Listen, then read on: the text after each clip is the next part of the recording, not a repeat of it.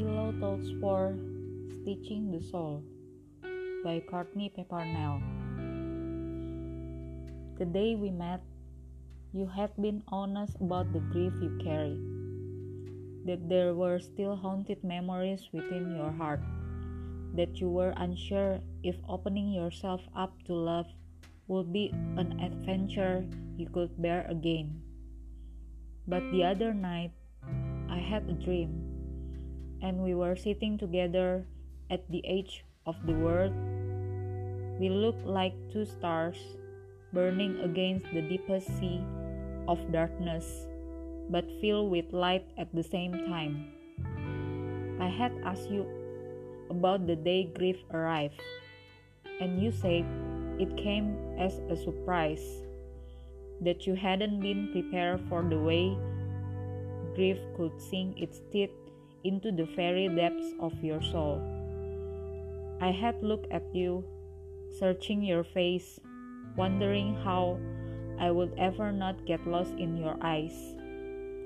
Don't look at me like that, you had said, and for a moment you had turned away, staring out into the universe as though its weight were pressed against your chest. And I had asked, what way am I looking at you? Like you can see all the cracks in my heart, you said. Like you can see I'm about to break. Are you? You release a breath, a steady stream of stardust, breaking away into the ocean of the night. And you reply, Some days I remember the touch of the sun, how it warms me, and the other days, the tears that fall from my eyes are the only friends I know. I had smiled lightly and whispered that I had something for you. Please, you had begged. Just know my heart can take much more.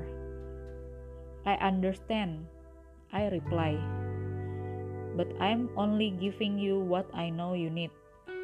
Your eyes had landed on mine, searched my face for what felt like the end of the universe and home again. What is it?